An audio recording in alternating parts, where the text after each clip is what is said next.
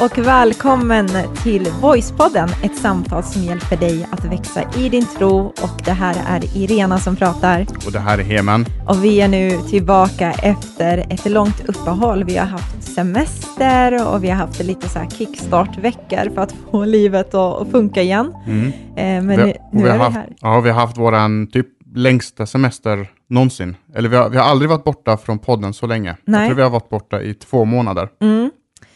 Så det har varit en, länge. Och en del har skrivit till dig i alla fall. Mm. Eller skriver de till oss? Mm, det var faktiskt till mig, men det gör inget. liksom, när sätter det igång? Och, och, nu är vi igång, men, men eh, det kommer nog ta ett eller två avsnitt innan vi liksom, eh, så här, motorerna är varma igen. Mm. Eh, vi märkte det, vi har ju flyttat runt lite här på kontoret. Och eh, så, så, nu sitter vi i ett annat rum, det är lite provisoriskt och så skulle vi liksom plocka all utrustning från det ena stället till det andra. Ja. Och så sitter vi på ett smalt litet bord här och så sätter vi liksom på eh, mickarna på bordet. Så vi har ju sådana här armar där man liksom lägger micken på armen. Mm. Eh, och så är det något som inte känns helt rätt. Vi kan liksom inte lista ut vad det är. Eh, och sen kom vi på att jo, men armen kom från fel håll. Mm. Eh, för vi är vana att armen ska komma från vänster håll. För att så vi, att man har högra sidan fri. Exakt, man mm. är eller jag är och du är högerhänt, så att mm. man liksom har armen, armen fri. Eh, så, så, det funkar inte, så vi satte oss och så tänkte men vi kör i alla fall. Och så tänkte vi, nej, det, det här kommer inte funka. Det mm. kommer, vi måste byta. Och så skruvar vi loss liksom igen och håller på och mitt under när vi gör det så får vi världens uppenbarelse. ja, men vi skulle ju byta mickarna, skulle vi göra, så vi skulle ju flytta över dem. Du skulle flytta armen, armen ja, liksom alltihopa exakt, från ena hållet grejen. till det andra. Skriva, skruva ur och sådär. Och sen så bara plötsligt föll bara poletten. Exakt, för armarna ligger liksom på varsin sida om långsidan av bordet. Mm. Och då kom vi på, och de sitter ju i mitten, och liksom jag har ena micken och du har ena micken. Och då föll poletten att efter att vi hade skruvat loss allt, hallå, vi kunde ju bara ha vridit på micken. Du kunde ha tagit min mick, jag kan ta din ja. mick och plötsligt kommer micken från andra hållet. Kolla, se där, så det var ju lite kul faktiskt. Så det är inte bara, det är inte liksom, ja, det är mycket, hela maskineriet behöver liksom smörjas och pumpas upp, upp och komma, komma igång igen. Ja, men det känns helt fantastiskt att vara tillbaka. Alltså vi har saknat det här väldigt mycket och eh, semester är eh, viktigt, alltså att man prioriterar det, att man eh, kopplar av, att man gör saker som ger dig energi för både din kropp och själ och ande. Och det här är faktiskt den första semestern som jag personligen tycker har varit den semestern där jag genuint känner mig uppladdad inför hösten. Mm. Eh, och jag vet inte om det har med hela den här pandemin att göra, att man kanske inte känner den här stressen av att man måste åka utomlands och man ska maxa på stranden och hinna liksom under de här sju dagarna man har betalt liksom för att få ihop allt. Mm. Eh, utan man har ju kunnat varva ner på ett helt annat sätt. Ja, eh, alltså semestern, så det har varit nyttigt. Semestern har ju med sig den här uh, att man ska den här passa på-mentaliteten. Mm. Och liksom att man ska passa på att njuta hela tiden. Och då blir det passa på, passa på, passa ja. på, njut, njut, njut, njut, njut. Och då blir det liksom en stress av det hela. Och så mm. kommer man tillbaka och så, liksom, trots att man har gett allt på semestern så, under, så känner man ändå att man kunde ha klämt ut lite till ur semestern. Medan semestern kanske är ett tillfälle där man kanske kan passa på att inte göra någonting. Mm. Men det är inte så lätt att Nej. inte göra någonting ibland. Nej, men vi gjorde ju saker. Mm. Jag tror inte man ska bara sitta still. Ja, men alltså bara så här, en vila, liksom. En vila. Att, inte, inte, att inte njutningen blir en prestation. Nu måste jag prestera mig till en bra semester. Ja. Eh, då, då vi, kommer vi tillbaka till ett, en ny termin och så ska vi prestera där också. Precis. Och så vidare. Hur som helst, vi fick vila ut vi den här fick vila Ut. Hoppas att du som lyssnar också hade en skön semester. Jag vet att eh, vi har blivit drabbade av den här pandemin och det har varit helt galet. Så jag vet inte om du som lyssnar har varit en av dem som kanske förlorat ditt jobb eller du känner någon som har gjort det och det känns bara lite kaotiskt just nu.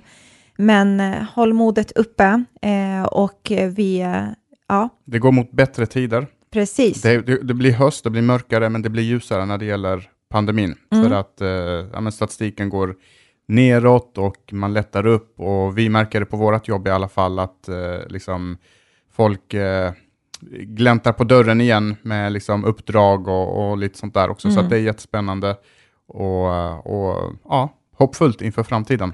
Så är det. Men nu ska vi sätta igång. Mm. Eh, och innan vi ska liksom prata om det vi ska prata om idag, så tänker jag att vi tar och läser en recension som vi har fått in. Mm. Eh, och det är från en som har ett namn som heter eh, Kommentatorerna. Eh, så det är lite fiffigt. Mm. Eh, men då står det så här, en mycket bra podcast. Jag är så glad att jag av en slump ramlade över den här podcasten.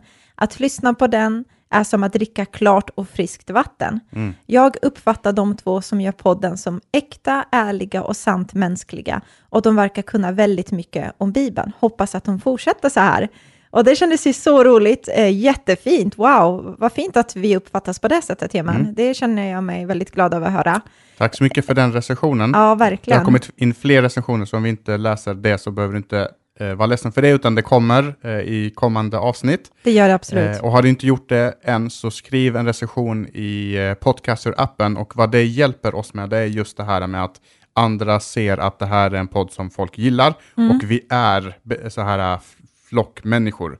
Eh, eh, man, man, jag, jag la märke till det när vi tittar på nyheterna. Mhm. Så pratar de nu om det här med munskydd. Ska man ha munskydd eller inte? Och alla säger i princip så här, nej om, om andra hade börjat använda munskydd, då hade jag nog också gjort det. Just det. Så vi är så här, vi följer, vi apar efter liksom andra. Vi vill inte känna att vi är annorlunda än andra. Nej. Och när då folk ser att okej, det här är något som andra gillar, då kanske jag ska ge det en chans och se vad det handlar om. Vad är det folk tycker är så himla bra? Mm. Eh, så gör det. Och eh, om du ramlar in på den här podden från, eh, om du är helt ny, så gå in och prenumerera också i podcastrappen eller om du har Android i, i din poddapp där också. Super, men nu tycker jag vi sätter igång va? Mm. Nu så ska vi prata i två delar kring någonting som heter boxen. Och första delen handlar om hur vi begränsar Gud och oss själva. Ja, men vi är ju mitt i den här pandemin och nu ska vi inte prata om det, det är inte det det ska handla om. Men jag har liksom lagt märke till att det har pratats mycket om att man pratar om de som är i riskgruppen, man har pratat om de som är äldre, man har pratat om de yngre, man har pratat om gymnasieeleverna och så har vi försökt på något sätt liksom sätta människor i fack eller kategorisera det utifrån ett säkerhetstänk. Och eh, jag bara la märke till att det ingen reagerade negativt kring det, utan vi alla försöker liksom eh, klara oss igenom det här. Men annars, utöver pandemin, så tror jag att det finns ju ingen människa som gillar att bli satt i ett fack. Och vad jag menar med det är att man gillar inte att bli inboxad på något sätt. Mm. Eller jag gör inte det i alla fall. Nej, och vi, vi är väldigt duktiga på det och sätta in folk i fack. Och vi gör ju det för att eh, begripa oss på världen. Liksom. Eh, vi, vi, vi, vi placerar folk i fack för att vi har fördomar. Och eh, fördomar bygger ju eh, många gånger, inte alltid, men ibland på eh, lite sanning. Mm.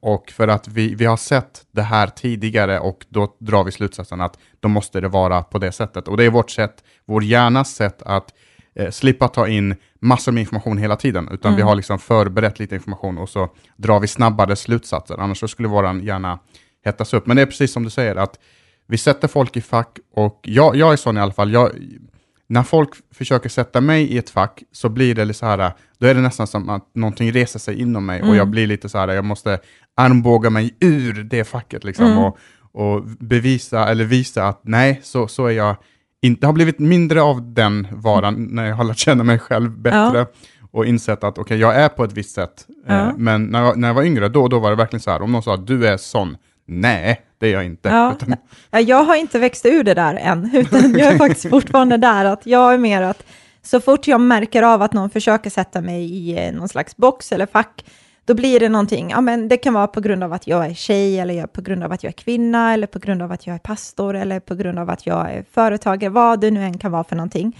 Eh, då bara, finns det någonting som bara finns där automatiskt? Alltså det, jag behöver inte ens reflektera, det är som en reaktion. Där jag kanske säger någonting eller gör någonting bara för att liksom skaka om lite i grytan. Och inte att det är något dåligt, jag liksom bara, "Åh, du vet, jag är jätteupprorisk, utan bara, bara, nej, du ska minsann inte sätta mig i ett fack och då gör jag någonting som inte passar in i vad jag vet att den här tycker att passar in i facket. Liksom. Mm. Och vi kommer prata om det alldeles strax kring liksom, när det gäller att andra sätter in oss i ett fack men, och, och i en box. Eh, men det här med boxen, det vi också gör det är att vi boxar in eh, Gud, vi boxar in oss själva, så vi är själva ibland orsaken till att vi boxar in vårt eget liv och begränsar oss själva. Men jag tror ändå att, att, ehm, men jag tror att det är ett litet spår av vem Gud är, som Gud också har lagt i oss, att vi vill inte bli inboxade. Vi vill liksom inte att folk ska bara eh, läsa av oss eh, i ett enda ögonblick. Eh, för när, när Jesus kom, eh, då visade han verkligen, folk försökte ju verkligen boxa in Jesus och Mm. rama in honom, och, för att det hade kommit profeter och sådär innan honom. Och, och så liksom trodde man att man visste vem denna Jesus var, men man insåg sen att okej, det, här var- det här är någonting helt annat. Ja men verkligen. Alltså jag håller med dig, det finns ju så här tusen exempel höll på att säga, där man kan titta på hur man försökte boxa in Gud. Eh, alltså bara den här grejen att när judarna, de trodde att när Messias skulle komma, då skulle han vara den här som kanske skulle vara den här krigaren och han skulle distansera sig från folk och, och han skulle bara välja ut viss typ av människor som han skulle vara med och Jesus gör precis tvärtom i vad de liksom försöker boxa in honom i.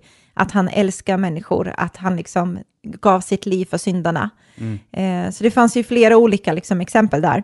Exakt, jag kommer att tänka på till exempel när eh, Jesus eh, eh, blir tillfångatagen och så blir han eh, piskad och så vidare och verkligen misshandlad. Och så eh, sätter de upp Jesus inför folket och så säger de, och så har de en viss tradition att de ska släppa en, en, eh, en fånge fri som man vet, det här är en fånge som sitter där för att han är en mördare. Han har liksom lurat människor, han har dödat människor, han har gjort hemska saker. Men, men de har den här traditionen att folket får välja, ska vi släppa den här personen eller ska vi släppa den här personen fri? Och då står Jesus, som är helt syndfri, eh, helt perfekt, tillsammans med den här eh, liksom mördaren. Barabbas. Och Barabbas heter den här eh, personen, bara det namnet, liksom det här tunga namnet. Eh, och så säger han, vem vill ni att vi ska släppa fri? Och allt det här sker ju enligt Guds vilja. Det är inte så att Jesus är offer för allt det här. Nej. Utan allt det där sker enligt Guds vilja. Och då säger de, vi vill ha Barabbas, släpp Barabbas eh, fri. Så, så bara där liksom, det, det gick verkligen inte att boxa in Jesus. Nej, ja, men alltså det, det gjorde det inte det. Jag älskar det att eh, det fanns ju ett visst liksom, eh, religiöst system där man tänkte att men, om han har med Gud att göra, då kommer han inte vara med de här typen av människor för att de är inte tillräckliga, de ser inte så välpolerade ut. Och så blev Jesus istället känd för att vara syndarens vän. Alltså han åt och drack med syndarna, står det. Eh, och jag älskar att han ständigt med sitt handlande, ständigt med hur han var, han visade att det går inte att boxa in mig utifrån era traditioner eller era egna personliga uppfattningar om vem jag är. Alltså han visar förlåtelse till dem som andra inte tycker förtjänar andra chans, som andra tänker så att du ska skämma ut den här kvinnan nu för att hon gjorde det här. Och så visar han nåd, men också vägleda henne framåt. Eh, bara den här historiska grejen där han definitivt inte lät sig boxas in, det här med kvinnor. Där han pratar med kvinnor och inte... Och, och när, du, när man säger det, bara, okej, vad är det för speciellt med det? Ja, det är jättespeciellt, för i den samtiden så var kvinnor, alltså de hade lägre status. Eh, bara när man var i domstol så krävdes det två kvinnor för att det skulle vara lika giltigt som en mans vittnesbörd till exempel. Exakt. I romarriket så var kvinnor i princip en ägodel. Så en man hade eh, slavar, han hade barn och så hade han en kvinna. Eller kanske flera, jag vet inte. Precis, och det var samhällsstrukturen var ju på det sättet. Så Jesus kommer in där samhällsstrukturen är, enligt dem, det är så, så här det ska vara. Och så pratar han med kvinnor. Han går, eh, går inte i linje med den judiska traditionen att han som jude borde inte prata med en samaritisk kvinna. Eh, han går dit och liksom pratar med henne, inte bara att han pratar med kvinnor, de får vara hans efterföljare. Och det som jag absolut älskar, som jag bara måste klämma in här, är också att Gud faktiskt eh, väljer kvinnor att vara de första som berättar om att han är uppstånden och lever. Det. Och det är historiskt stort, alltså att kvinnorna fick vara de här vittnen. Eh, och, Och vi, och vi som lever nu, vi har svårt att förstå, alltså, vad är det som är så märkvärdigt med den, den grejen? Men som du sa precis, alltså, en kvinna hade en halv röst, så det krävdes två vi- kvinnor för att vittna mot en man. Och då, då väljer Jesus dem för att gå och berätta, alltså de som har minst förtroende i samhället, de får gå och berätta om att Jesus är uppstånden. Istället för att han vänd, vä- vänder sig till en kung eller en, en kejsare eller, eller nå- något i den stilen. Liksom. Så han vänder verkligen upp och ner på, på hela samhället. Han rör vid, det fanns ju en sjukdom på den tiden som heter spetälska. Och bara man kom, bara, jag, tro, jag tror att det räckte med att komma i närheten, men åtminstone att om man vidrörde en person med spetälska, då blev man sjuk själv. Eh, Och därför så blev de här personerna liksom outcast, de fick leva utanför eh, liksom murarna, de fick eh, bo i grottor ibland, vid soptipp fick de bo. Hade de familj så fick eh, barnen, liksom, eller familjemedlemmarna komma med mat och ropa på dem på avstånd och säga mm. nu har vi hämtat mat och så fick den här personen komma och hämta maten och, och äta. Eh, när de gick genom staden så var de tvungna att säga oren, oren, oren för att folk ska kunna flytta på sig och inte bli besmittade. Mm. Den personen väljer Jesus att gå fram till och inte bara prata med, utan röra.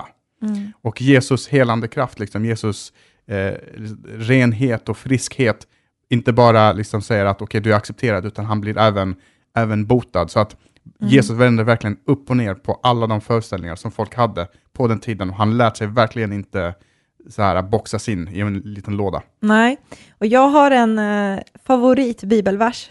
jag har många sådana, men där det verkligen pratas om det här att Gud kan göra mycket mer än vad vi kanske tror eller vad vi kan förvänta oss. Och eh, den bibelversen kan man hitta i Nya Testamentet i ett brev som heter Efesebrevet kapitel 3 och från vers 20 ska läsa till 21. Man kan ju läsa andra saker där innan som är riktigt, riktigt bra också.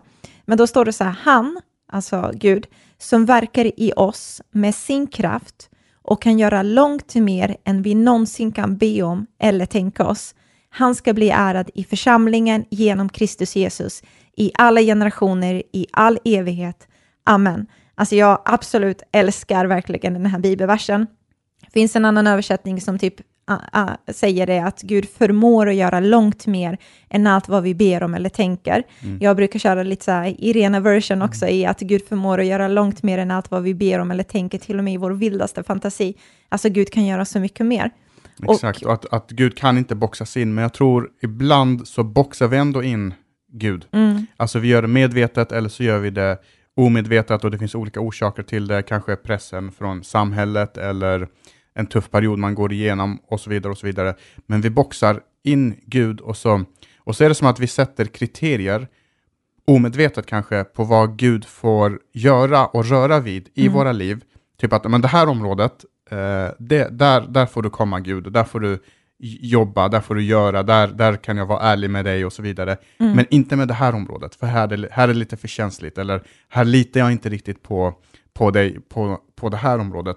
Eh, och på det sättet så, så, så boxar vi in Gud och så gör vi inte det som står här, att, eller vi tillåter inte Gud att göra det som står i den här versen, att han, att han kan göra långt mer än vad vi kan be om och, och föreställa oss. Precis. Nej, men jag tror att det är så, för att vi, precis som du säger, vi kan sätta kriterier för när och vad Gud får göra i våra liv och saker som han vill ge input till eh, kring typ, ja men det är dags att förlåta nu, eller det är dags att lyfta blicken och inte bara tänka på dig själv, utan se världen runt omkring dig. Allt det där tar vi senare för att vi vill liksom att han ska vara i den här boxen på något sätt. Mm. Men om vi inte bara sätter kriterier så gör vi oftast så, tycker jag, att ibland kan vi infinna oss i säsonger i livet där vi krymper Gud till vad vi tror är möjligt för honom att göra, eller till det vi själva är kapabla till att förstå. Och det är inte så att Gud i sig självt krymper bara för att jag i mitt hjärta krymper ner vem han är, utan han är fortfarande lika mäktig och han är fortfarande lika kapabel till att göra saker. Men, eh, men jag tror att vi oftast hamnar i det och göra så. Liksom. Mm, och jag tror att den, alltså den dagen som jag, alltså Gud måste få vara Gud. Mm. Och den dagen jag kan förstå mig på Gud till 100%, den dagen jag vet vad, exakt vad Guds nästa steg, Gud som har skapat hela universum och vi ja. vet alltså inte ens en promilles, promilles, promilles av den kunskapen som finns kring, och veta kring universum. Den dagen jag börjar förstå Gud, då har jag verkligen boxat in Gud och då är frågan om Gud är Gud fortfarande mm. eller om det bara är någonting som jag själv eh, har skapat. Så det, det, elementet måste ändå finnas med också, att Gud måste, vi måste förstå att Gud är alltså allsmäktig, allvetande, mm. det är han som har skapat allt, det är han som håller hela universum i sin hand. Mm. Eh, och jag kommer aldrig kunna förstå Gud och den dagen jag vill förstå Gud fullt ut, den dagen kommer jag ha stoppat in honom i en liten box, kanske till och med en liten ask. Mm, som man bär med sig. Liksom. Mm. Men oavsett vad, jag tänker vi har levt alla nu i den här äh, galna tiden just nu under våren och sommaren och nu när vi pratar kring det här så känner jag att jag skulle bara, oavsett liksom vad som händer i den här världen just nu, för dig som lyssnar och för mig och dig hemma personligen också, så låt oss på något sätt i hjärtat sätta en, ett beslut i att vi inte vill begränsa Gud i vad han faktiskt vill göra i våra liv, att vi vill inte boxa in honom här, oavsett vad vi har gått igenom förut, hur, hur den här sommaren har varit för vissa, eh, vad, oavsett vad andra människor till och med har sagt om en eller vad man tror tycker om dig eller till och med sagt in your face. Liksom. Eh, så låt oss inte begränsa Gud i vad han faktiskt vill göra. Mm. Eh, och det tror jag är en sån här viktig sak, liksom, att man påminner sig själv att just det, Gud är faktiskt mycket mer och mycket större. Exakt, sen kommer Gud säkert göra saker på ett annat sätt än vad vi tror att han ska göra det. Mm. Men då får det stå för honom, då, då, då vet han någonting som jag inte vet och han gör någonting på ett sätt som jag inte kan, kan förstå. Mm. Men att jag inte aktivt ska på förhand säga att det här, är vad du, det här är vad jag tror att lösningen är på det här området. Jag tänkte vi, vi ska, eh, i, i söndag så predikade ju du om eh, lite grann om det här mm. eh, på gudstjänsten i Voice. Och eh, då hade du med dig en, en låda på scen. Mm. Och jag är helt säker på att det var folk som kliade sig i huvudet och undrade, vad gör den där lådan där? Varför har de inte städat på scenen? ja, har de glömt en stor fet låda? Ja. Eh, och den lådan, den var ju inte lätt att få tag i, för det är, liksom, det är ingen flyttlåda precis, utan det är en Exakt. stor låda. Ja, den lådan har verkligen eh, eh en story. Mm. Nej, men det var så kul, för att jag ville ha en ganska stor låda, där jag kunde någorlunda få plats i, för att jag ville illustrera en sak. Um, och då frågade jag vårt ledarteam i kyrkan, bara, är det någon som har en låda? Och det var ingen som hade en låda. Det var någon som kom med en flyttlåda, men det, det räckte inte riktigt helt. Så jag letade land och rike efter en... För, för vad du, kriteriet var att du skulle få plats i Ja, lådan. men precis. Jag sa det precis. Mm. Så att, Aha, okay. Eh, men då letade jag överallt eh, liksom, och bara, vad finns det en låda? Och då hittade jag till, eh, till slut ett emballageföretag eh, som fanns i närheten, eller i Linköping rättare sagt, så jag var tvungen att åka bil då i så fall i typ 35 minuter. Så jag ringer dem och frågar ifall jag kan komma och hämta den här lådan, eh, eller boxen liksom. Eh, och eh, han sa det, ja men vanligtvis så säljer vi liksom till stora företag i fler pack, liksom, så att vi eh, säljer inte dem i styckpris, men vi kan göra ett undantag, absolut. Så jag var ju jätteglad. Så jag tar bilen, åker iväg till Linköping, och eh, på vägen dit, bara det är en story för sig, alltså, där jag fick typ vänta i 45 minuter i bilkö och det tog en evighet tills jag kom fram och det var en olycka på vägen, så superdramatiskt.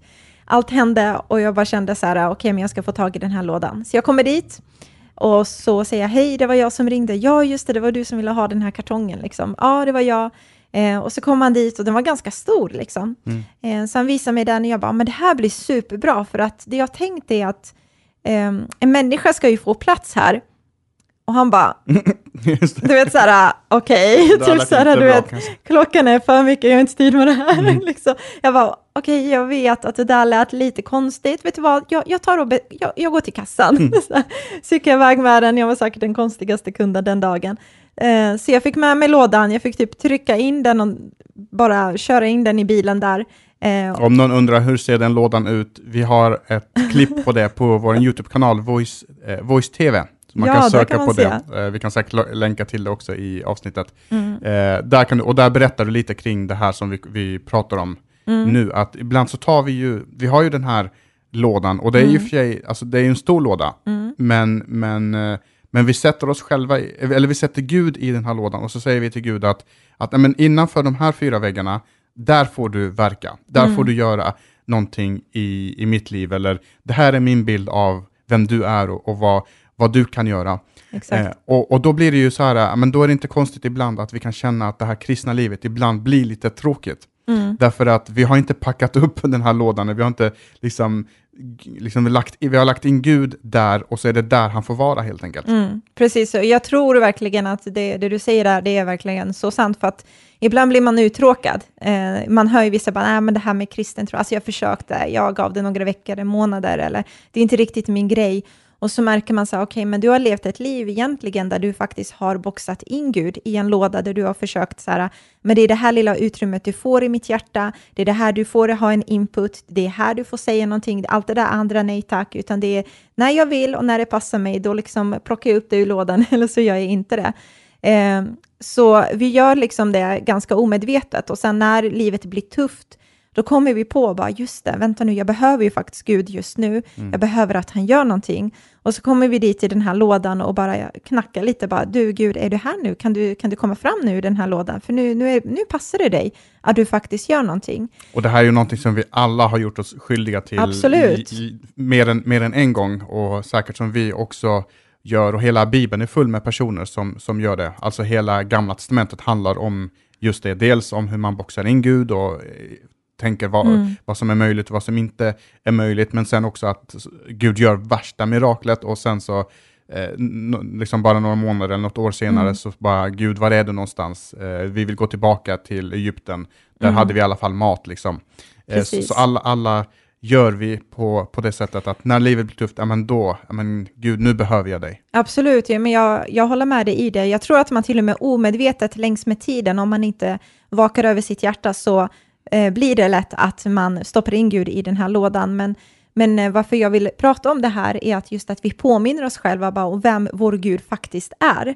Eh, utifrån det här att han kan göra saker och ting. Han platsar inte i den här lådan. Han är så mycket större, han är så mycket bättre.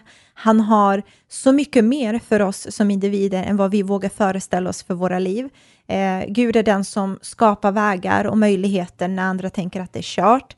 Han är den som är expert på att faktiskt blåsa liv i drömmar som andra till och med har kanske dödat med sina ord eller eh, berättat hur omöjligt det är. Han är den som är ännu en gång helgrym på att ta de mest otänkbara människor och så gör han någonting vackert av dem och så liksom formar han någonting vackert i och så drar fram det här guldet han har lagt för sen i, i början av tiden eh, som han har lagt i oss och vill bara plocka fram det. Mm. Eh, så det är den guden vi verkligen har och när vi liksom är i kaoset och det händer saker runt omkring och vi bara tappar fokus och, och, eh, och vårt hjärta börjar liksom flacka lite, mm. då behöver vi komma ihåg vem vår Gud faktiskt är. Mm. Och Gud har gett oss en fri vilja. Mm. Och på grund av det så, så låter han oss boxa in honom om vi nu vill det.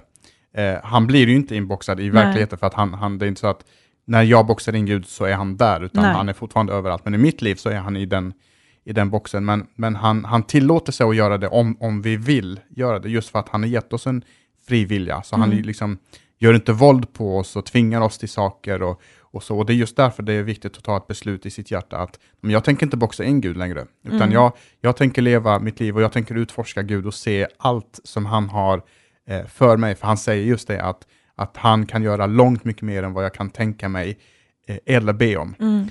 Det eh. finns så mycket, mycket mer liksom. Och jag mm. tänker att Gud, han vill inte vara i den här lådan, men en annan sida eh, kring det här är också att han vill inte heller att varken du eller jag och du som lyssnar ska leva ditt liv i den här lådan. Och den här lådan är ju väldigt trygg, liksom. det är ju de här fyra små väggar, jag har koll på saker och ting. Eh, och jag bara känner själv hur mycket jag hade gått miste om i livet om jag bara befann mig i den här lådan hela tiden. Allt vad, vad jag rör mig, allt vad jag vill, det finns inom den här lådan. Liksom. Mm. Och jag hade, jag tror ett sätt som vi på något sätt lever våra liv i den här lådan kan vara ett väldigt bra exempel som jag känner igen mig själv i det, som jag tror du också gör det, är att vi tittar, sociala medier är en bove i det här faktiskt, mm. även om det är ett fantastiskt verktyg som vi älskar att använda. Men just att man tittar liksom på hur andra lever sina liv hela tiden. Men som så själv så lever inte jag mitt mm. egna liv. Och det där är ju verkligen en liten box, alltså mm. man ser hela världen genom den här lilla fönstret på 4,5 tum eller 6 tum eller vad nu är man har för, för telefon. Och hela livet liksom, ja men precis, precis som du säger, att man boxar in i sitt eget liv och så tittar man på andra och de projicerar sina bästa moments mm. och sina bästa liksom, stunder när de var utanför den här boxen, men vi ser inte den gråa vardagen och, och allt, allt det där. Och då drar vi ju slutsatsen att ja, men, jag är nog bara sån, utan det här är min lott i livet, det här är vem jag är, jag ska leva det här livet som jag har fått istället för att ta klivet liksom ut. Mm. Eh, och så att, att, att boxa in sig själv, det är, ju, det är ju en sak, att begränsa sig själv, vad man, vad man kan göra, framförallt vad Gud har lagt i mig, de gåvor som ha, Gud har lagt i mig. Jag vet att människor kan också boxa in andra mm. med sina ord, med, med sitt eh, liksom, sätt. Jag vet att jag, jag, när jag växte upp så var jag ju eh, mobbad i princip hela grundskoletiden. Och det där levde kvar i mig under så lång tid. Alltså här sitter jag och spelar in en podd, men jag kan bara säga att jag skulle göra det var helt 110% otänkbart när jag var i tonåren. Mm. För jag var så extremt tystlåten, man hade möten, man hade... Eh, jag var sjuk vid ett tillfälle, så man hade liksom en sån här eh, klassråd, och då togs jag upp som ett ämne på varför jag, jag var så tyst. Oj. När någon kom med en mick eh, fram till mig så slog hjärtat och så vidare. Jag var liksom, jag hade extremt mycket människofruktan och alla de här sakerna. Och det kom ju utifrån alla de här orden som folk har eh, sagt och, och eh, boxat in med, att det här är vem, vem Hemen är.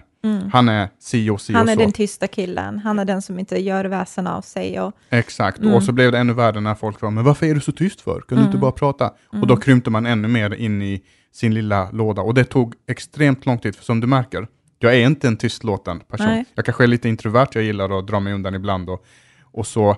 Men, men det här med vad folk sätter för etiketter på oss, det tror jag kan vara förödande om vi, om vi stannar där, där folk har satt oss.